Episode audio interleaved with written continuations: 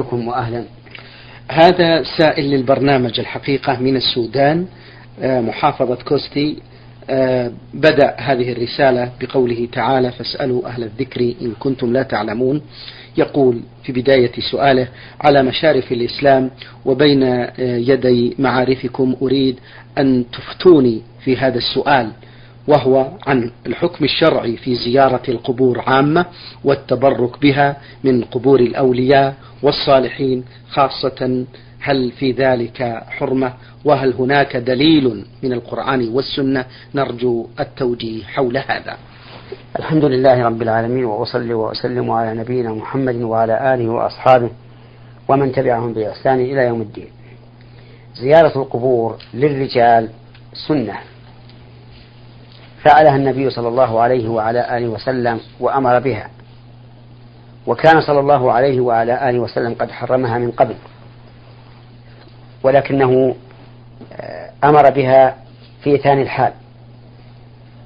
فقد ثبت عنه صلى الله عليه وعلى آله وسلم أنه قال كنت نهيتكم عن زيارة القبور ألا فزوروها فإنها تذكر الآخرة وفي لفظ فإنها تذكر الموت. والسنة للزائر أن يقول السلام عليكم أهل الديار من المؤمنين والمسلمين وإنا إن شاء الله بكم لاحقون. يرحم الله المستقيمين منكم والمستأخرين. نسأل الله لنا ولكم العافية. اللهم لا تحرمنا أجرهم ولا تفتنا بعدهم واغفر لنا ولهم. وله أن يزور قبرا خاصا من أقاربه أو نحوهم لأن النبي صلى الله عليه وسلم استأذن ربه أن يزور قبر أمه فأذن له تبارك وتعالى. واستأذن من الله أن يستغفر لها فلم يأذن له. وأما التبرك بالقبور فإنه محرم وبدعة منكرة. والقبور ليس ليس في ترابها شيء من البركة لأنه تراب معتاد دفن فيه هذا الرجل. و لم يكن لدفنه في هذا المكان مزية على الأمكنة ولم يكن لهذا المكان الذي دفن فيه الذي دفن فيه مزية على غيره من الأمكنة مهما كان الرجل. وعلى هذا فلا يجوز التبرك بتراب هذه الأضرحة ولا يجوز أيضا دعاء صاحب القبر بل إن دعاء صاحب القبر والاستغاثة به والاستنجاد به من الشرك الأكبر الذي لا يغفره الله عز وجل. وهؤلاء الأموات محتاجون إلينا ولسنا محتاجين إليهم. هم محتاجون إلينا أن ندعو لهم وأن نستغفر لهم لأنهم ينتفعون بالدعاء وبالاستغفار لهم. وأما نحن فلسنا محتاجين إليهم إطلاقا وإنما حاجتنا إلى الله تعالى وحده. ولا فرق بين أن يكون القبر قبر عامي عادي أو قبر من يظن أنه ولي صالح. الكل سواء. حتى تربة النبي صلى الله عليه وعلى آله وسلم لا يجوز التبارك بها لأنها تراب كائية من أتربة نعم الرسول عليه الصلاة والسلام لا شك أن الله تعالى شرف المكان بدفنه فيه لكن ليس معنى ذلك أن هذا المكان المعين يتبرك به إطلاقا. حتى الحجر الأسود لا يتبرك به. لأن عمر بن الخطاب رضي الله عنه قبله وقال إني لأعلم أنك إني لأعلم أنك حجر لا تضر ولا تنفع ولولا أني رأيت النبي صلى الله عليه وسلم يقبلك ما قبلتك. وهذه نقطة مهمة يجب على المسلمين أن يعلموها أنه لا بركة في الأحجار أبدا مهما كانت. ولكن يكون ولكن بعض الأحجار يتعبد الإنسان لله تعالى بها كالحجر الأسود وليس وليس ثمة في الدنيا كلها حجر يتبرك به أي آه نعم وليس ثمة في الدنيا حجر يتقرب إلى الله تعالى بتقبيله أو مسحه إلا الحجر الأسود والركن اليماني يمسح ولكنه لا يقبل. ثم إني أنصح إخواني الذين يذهبون إلى هذه الأضرحة أن يكفوا عنها. وأن يجعلوها كغيرها من من من القبور. يدعون الله تعالى لمن فيها ولا يدعونهم. ويسألون لهم العافية ولا يسألون منهم العافية. لأنهم لا يملكون لأنفسهم ضرا ولا نفعا. إذا كان هذا الميت لو كان حيا ما نفعك إلا بما يستطيع من المنفعة كمعونتك على تحميل العفش السجارة وما أشبه ذلك فكيف ينفعك وهو هامد؟ أرأيت لو أتيت إلى شخص أشل لا يستطيع التحرك. هل يمكن أن تستعينه على شيء؟ لا يمكن. وإذا كان حيا لا يستعان به لأنه لا يعين فكيف إذا كان ميتا؟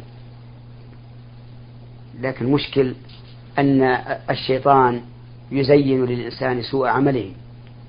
وقد قال الله عز وجل في كتابه أفمن زين له سوء عمله فرآه حسنا فإن الله يضل من يشاء ويهدي من يشاء فلا تذهب نفسك عليهم حسرات. إن الله عليم بما يصنعون. نعم. جزاكم الله خيرا. يقول السائل أيضا في سؤاله كيف تتحقق محبة الرسول صلى الله عليه وسلم؟ نعم. تتحقق محبة الرسول ومحبة الله عز وجل باتباع الرسول صلى الله عليه وسلم. فكل من كان أتبع لرسول الله كان أحرى بمحبة الله تعالى ومحبة رسوله. يقول الله تعالى قل إن كنتم تحبون الله فاتبعوني يحببكم الله. وعلامة محبة الرسول أن يتحرى الإنسان سنته فيتبعها ولا يزيد في ذلك ولا ينقص. وعلى هذا فالذين يبتدعون بدعا تتعلق بالنبي صلى الله عليه وسلم يدعون أن ذلك من محبته وتعظيمه. هم في الحقيقة لم يحبوه ولم يعظموه. وذلك لأن حقيقة المحبة والتعظيم أن تتبع آثاره وأن لا تزيد في شرعه ولا تنقص منه. وأما من أراد أن يحدث في شرع الله ما ليس, ما ليس منه فإن محبته لله ورسوله قاصرة بلا شك. لأن كمال الأدب والتعظيم أن لا تتقدم بين يدي الله ورسوله. قال الله تعالى يا أيها الذين آمنوا لا تقدموا بين يدي الله ورسوله واتقوا الله إن الله سميع عليم. يا أيها الذين آمنوا لا ترفعوا أصواتكم فوق صوت النبي ولا تجروا له بالقول كجهر بعضكم لبعض أن تحبط أعمالكم وأنتم لا تشعرون. نعم. هل يجوز أن أدفع الزكاة لأقاربي مع أنهم يقصرون في أداء الصلاة مع الجماعة حيث يصلون في البيت؟ نعم إذا كانوا من أهل الزكاة فلا بأس أن تدفع زكاتك إليهم بشرط أن لا تكون نفقتهم واجبة عليك. فإن كانت نفقتهم واجبة عليك فالواجب أن تنفق عليهم من مالك. وربما يكون دفعك الزكاة إليهم سببا في هدايتهم. وهذا الحكم فيما إذا كانوا يصلون لكن لا يصلون مع جماعة. أما إذا كانوا لا يصلون مطلقا فإنه لا يحل لك أن تدفع إليهم الزكاة لأنهم كفار. والكافر لا يحل دفع الزكاة إليه إلا ما كان من كان مؤلفا. والمؤلف هو الكافر الأصلي الذي كان على كفره تألف على الإسلام. أما المرتد فإنه إما أن يرجع إلى الإسلام وإما أن يقتل. وليس ثم خيار آخر. نعم. جزاكم الله خيرا. من الجزائر آه السائل آه شرف الدين يقول في هذا السؤال ما هي أحسن وسيلة لتلقي العلم النافع؟ جزاكم الله خيرا. الوسائل مختلفة وهي كثيرة والحمد لله في وقتنا الحاضر. فمن, الوسي... فمن الوسائل أن تتلقى العلم على شيخ مأمون في علمه ودينه. وهذه أحسن الوسائل وأقوى الوسائل وأقرب الوسائل إلى تحصيل العلم. ومنها أن تتلقى العلم من الكتب المؤلفة التي ألفها علماء مأمونون موثوقون في علمهم ودينهم. والثالث أن تستمع إلى الأشرطة المبثوثة المنشورة من العلماء الموثوق بعلمهم وأمانتهم. هذه ثلاث ثلاث طرق يمكن أن يحصل بها العلم وأهم شيء هو الاجتهاد والمثابرة وحسن القصد فإن ذلك من أسباب حصول العلم. هذه السائلة أم غازي من خميس مشير كتبت بأسلوبها الخاص تقول لقد حجيت أول مرة في عمري ولم أكن أعرف من واجبات الحج ولا عن أركانه وأنا لا أقرأ ولا أكتب ولبست النقاب وفوق ذلك غطوة وعندما وصلنا منى مشطت شعري ليلا فما الحكم في حجتي هذه؟ حجتك هذه صحيحة ما دام أن الإخلال الذي حصل منك هو هذا لأن غاية ما فيه أنك فعلت هذه الأشياء الممنوعة جهلا منك. والجاهل لا يؤاخذه الله عز وجل بما فعله بجهله. لقول الله تبارك وتعالى ربنا لا تؤاخذنا إن نسينا أو أخطأنا فقال الله قد فعلت.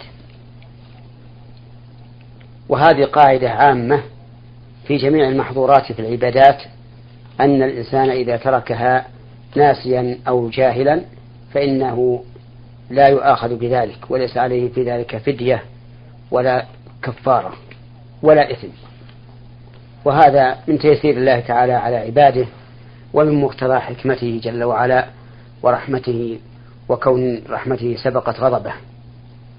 نعم.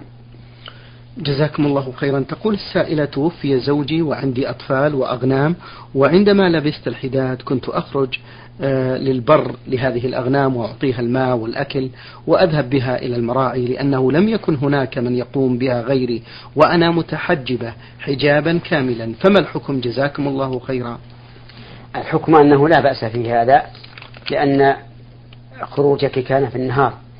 حسب ما فهمت من السؤال والخروج في النهار أي خروج من اعتدت عدة وفاة في النهار إذا كان لحاجة فلا بأس به. نعم. تقول في آخر أسئلتها في أثناء الحداد وفي العدة وهي أربعة أشهر وعشرة أيام أشك بأنني قد زدت يوما أو أكثر وذلك في انقضاء العدة فلم أخلع لباسي إلا في اليوم الثاني ليلا فما الحكم أيضا في ذلك؟ لا بأس في هذا نعم. هذا السائل من جمهورية مصر العربية يقول أيهما أفضل في الذكر وبعد السلام؟ قول سبحان الله والحمد لله والله أكبر أو سبحان الله ثلاثا وثلاثين الحمد لله ثلاثا وثلاثين والله أكبر ثلاثا وثلاثين. آه الذكر بالتسبيح والتحميد والتكبير آه بعد الصلاة الفريضة له عدة صفات. طيب. منها أن يقول الإنسان سبحان الله والحمد لله والله أكبر. ثلاثة وثلاثين فهذه تسعة وتسعون. ويقول تمام المئة لا إله إلا الله وحده لا شريك له له الملك وله الحمد وهو على كل شيء قدير. ومنها أن يقول سبحان الله ثلاثة وثلاثين. والحمد لله ثلاثة وثلاثين. والله أكبر أربعا وثلاثين. ولا يقول سوى ذلك.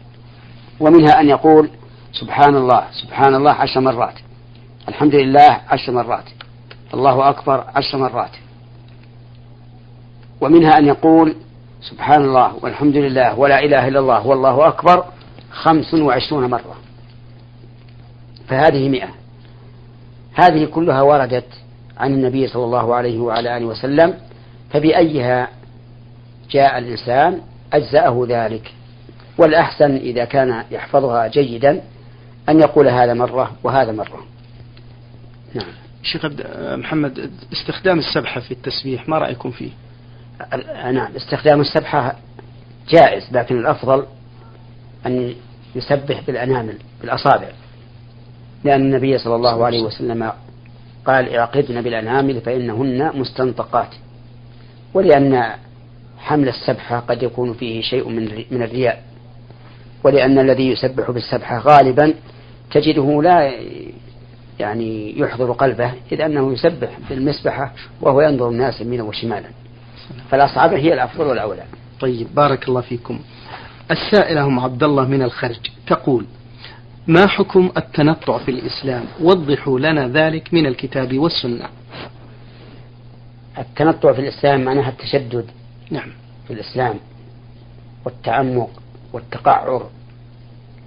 وحكمه أنه هلاك للمرء. بقول النبي صلى الله عليه وعلى آله وسلم هلك المتنطعون هلك المتنطعون هلك المتنطعون. ودين الله سبحانه وتعالى الحق بين الغالي فيه والجافي عنه. فالتعمق والتنطع وإلزام الناس بما لا يلزمها هذا كله هلاك. وخير الهدي هدي محمد صلى الله عليه وعلى آله وسلم. نعم. جزاكم الله خيرا. السائل شرف الدين من الجزائر استعرضنا سؤالا له في حلقة سابقة. يقول في هذا السؤال هل نقرأ التحيات في الركعة الثانية وذلك بزيادة الصلاة الإبراهيمية؟ وما الدليل على ذلك؟ نريد التفصيل وجزاكم الله خيرا. التشهد الأول في الثلاثية والرباعية يقتصر فيه على قول أشهد أن لا إله إلا نعم يقتصر فيه على قول التحيات لله والصلوات والطيبات والسلام عليك أيها النبي ورحمة الله وبركاته. السلام علينا وعلى عباد الله الصالحين. أشهد أن لا إله إلا الله وأشهد أن محمدا عبده ورسوله. هذا هو الأفضل. وإن زاد وقال اللهم صل على محمد وعلى آل محمد كما صليت على إبراهيم وعلى آل إبراهيم إنك حميد مجيد. اللهم بارك على محمد وعلى آل محمد كما باركت على إبراهيم وعلى آل إبراهيم إنك حميد مجيد فلا بأس. ومن العلماء من استحب هذه الزيادة. لكن الأقرب عندي هو الاقتصار على الحد الأول وإن زاد فلا بأس. لا سيما إذا أطال الإمام التشهد فحينئذ يزيد الصلاة الصلاة التي ذكرناها. نعم. جزاكم الله خيرا. من أسئلة هذا السائل من الجزائر العاصمة يقول الحب في الله والبغض في الله كيف يكون فضيلة الشيخ؟ الحب في الله يعني أنك لا تحب الرجل إلا لله بأن تراه كثير العبادة كثير الصدقة بأن تراه كثير العبادة كثير الصدقة. يحب الخير يكره الشر فتحبه لذلك لا لكونه قريبا لك أو صديقا لك أو غنيا أو فقيرا أو ما أشبه ذلك. وكذلك البغض في الله أن تبغضه لكونه عاصيا لله عز وجل غير مستقيم على أمر الله لا لعداوة شخصية بينك وبينه ولكن لأنه قد فرط في حق الله. نعم. جزاكم الله خيرا. في آخر أسئلة هذا السائل يقول بالنسبة لركعتي تحية المسجد قبل صلاة المغرب هل تكون قبل الأذان أم كيف؟ ونريد أن نتعرف على أوقات النهي. نعم أوقات أوقات النهي من صلاة الفجر إلى أن ترتفع الشمس قيد رمح أي إلى ما بعد طلوع الشمس بنحو ربع ساعة إلى ثلث ساعة. هذا وقت.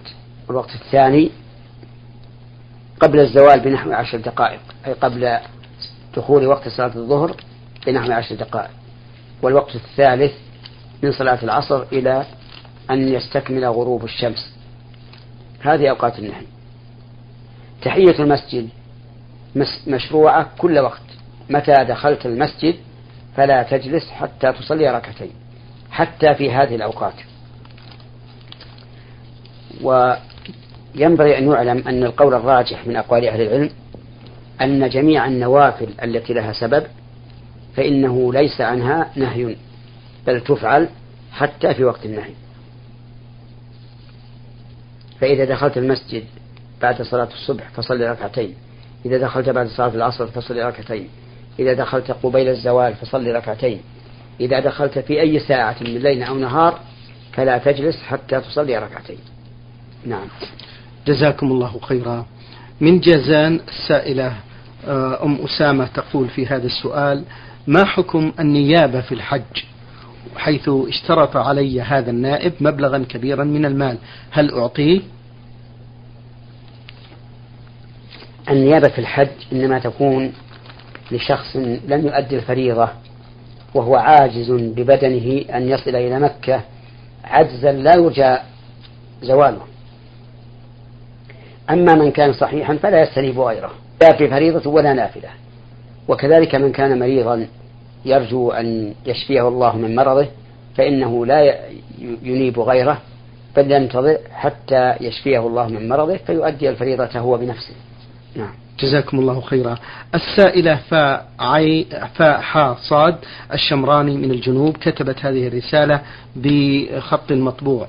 تقول في هذا السؤال سبق فضيلة الشيخ أن أديت فريضة الحج مع أخي ومعه زوجته وبرفق وبرفقتنا زوج ابنتي ومعه أيضا والدته ولم أختر نسك معين عندما نويت الحج لجهلي بذلك وإنما نويت حج فقط. كذلك أدينا طواف قدوم أدينا طواف القدوم وصلينا خمسة فروض في منى يوم التروية ثم وقفنا بعرفة ثم مررنا بمزدلفة لأخذ الحصيات. وفي صبيحة يوم النحر ذهبت مع أخي لرمي جمرة العقبة فرميت الجمرة بالسبع الحصيات مرة واحدة ولاحظت عدم وصول هذه الجمرات إلى المرمى من شدة الزحام. ربما تكون أصابت أحد الحجاج أو طاحت قريبا مني. بعد ذلك لم أرمي في اليومين التاليين ولم أعلم في ذلك الوقت هل وكلت أخي بالرمي عني أم لا. وسألت حاليا فأجاب بأنه لا يعلم وذلك لطول الوقت ما يقارب من 15 سنة. ولكن يقول إذا أنا وكلته فقد, رم فقد رمى عني ولكنه ليس لديه يقين. علما بأننا أكملنا مناسك الحج من طواف إفاضة وسعي الحج وطواف الوداع عدا نقص الرمي. أفيدونا جزاكم الله خيرا. أقول إن الواجب على ما قرره الفقهاء رحمهم الله أن تذبح بدلا عن الرمي شاة في مكة أو خروفا أو تيسا أو عنزا. في مكة تذبحها وتوزعها على الفقراء لأنها تركت واجبا من واجبات الحج. والضابط في ترك الواجب واجبات الحج عند الفقهاء أن من تركه فعليه فدية تذبح في مكة وتوزع على الفقراء. نعم. جزاكم الله خيرا. في آخر فقرة لها في هذا السؤال تقول في مينا بعد الرمي حصل خلاف أسري عبارة عن خصام بيني وبين أم زوج بنتي وبقينا على ذلك الزعل لعدة أشهر. أفيدونا؟ جزاكم الله خيرا. هل ذلك الزعل والخصام يبطل الحج؟ لا يبطل الحج. لكن ينبغي للإنسان المحرم بحج أو عمرة ألا يجادل. لقوله تعالى فمن فرض فيهن الحج فلا رفث ولا فسوق ولا جدال في الحج. وبقي تنبيه على سؤال الأول هي أنها تقول نعم. آه، في مزدلفة آه، قمنا فيها لأخذ الحصى حصى الجمار. يظن بعض الناس أنه لا بد أن تكون حصى الجمار من مزدلفة وهذا ليس بصحيح. حصى الجمار تؤخذ من أي مكان. والنبي عليه الصلاة والسلام أخذها حين كان واقفا ليرمي جمرة العقبة. كما جاء ذلك في منسك آه، بن حزم رحمه الله. نعم. جزاكم الله خيرا. آه، السائل ماجد من الأحساء يقول أم زوجتي تحتجب عني وحاولت إقناعها بأن سلامي عليها جائز فأخبرتني زوجتي أي ابنتها بأنها تستحي وكثيرة الحياة والآن لي ما يقارب من عامين لا تكلمني إلا بالتليفون. وعلى كل حال لا شك أن أم الزوجة من المحارم وأن لها أن تكشف وجهها وكفيها وتخاطب زوج ابنتها ولكن إذا كانت تستحي فلا حرج عليها في ذلك لأن ترك الأشياء المباحة آه، خجلا أو حياء أو لأن النفس تعاف ذلك لا بأس به. فقد ترك النبي صلى الله عليه وسلم أكل الضب مع أنه حلال لأن لأنه لم يكن في أرض قومه فصار يعافه صلوات الله وسلامه عليه. نعم. عبد الله محمد القصيم يقول البعض من الناس يتصدون للفتوى وليس عندهم علم شرعي يؤهلهم لذلك فما نصيحتكم لمثل هؤلاء؟ جزاكم الله خيرا. نصيحتي لهؤلاء أن يقرأوا قول الله تعالى قل إنما حرم ربي الفواحش ما ظهر منها وما بطن والإثم والبغي بغير الحق وأن تشركوا بالله ما لم ينزل به سلطانا وأن تقولوا على الله ما لا تعلمون. وقول الله تعالى ولا تقف ما ليس لك به علم إن السمع والبصر والفؤاد كل أولئك كان عنه مسؤولا. وقوله تعالى ومن أظلم ممن افترى على الله كذبا ليضل الناس بغير علم إن الله لا يهدي القوم الظالمين. فكل إنسان يفتي بغير علم فإنه ظالم ظالم لنفسه وظالم لإخوانه ولا يوفق للصواب. لأن الله قال إن الله لا يهدي القوم الظالمين. فعلى هؤلاء أن يتقوا الله في أنفسهم وأن يتقوا الله في إخوانهم وأن لا يتعجلوا. إن كان الله أراد بهم خيرا ألهمهم رشدهم وعلمه والعلم ورزقهم العلم وصاروا أئمة يقتدى بهم في الفتوى. فلينتظروا وليصبروا. أما بالنسبة للمستفتين فإننا نحذرهم من الاستفتاء لأمثال هؤلاء. ونقول العلماء الموثوق بعلمهم وأمانتهم والحمد لله موجودون إما في البلاد نفسها وإما في بلد آخر يمكنهم الاتصال عليهم بالهاتف ويحصل المقصود إن شاء الله. شكر الله لكم فضيلة الشيخ وبارك الله فيكم وفي علمكم ونفع بكم المسلمين. أيها الإخوة المستمعون الكرام أجاب عن أسئلتكم فضيلة الشيخ محمد بن صالح بن عثيمين الأستاذ في كلية الشريعة وأصول الدين في القصيم وخطيب وإمام الجامع الكبير في مدينة عنيزة شكر الله لفضيلته على ما بين لنا في هذا اللقاء الطيب المبارك. شكرا لكم أنتم. إلى الملتقى إن شاء الله. في الختام تقبلوا تحيات زميلي مهندس الصوت سعد عبد العزيز خميس. والسلام عليكم ورحمة الله وبركاته. نور على الدرب. برنامج يومي يجيب فيه أصحاب الفضيلة العلماء على أسئلة المستمعين. البرنامج من تقديم وتنفيذ عبد الكريم ابن صالح المقرن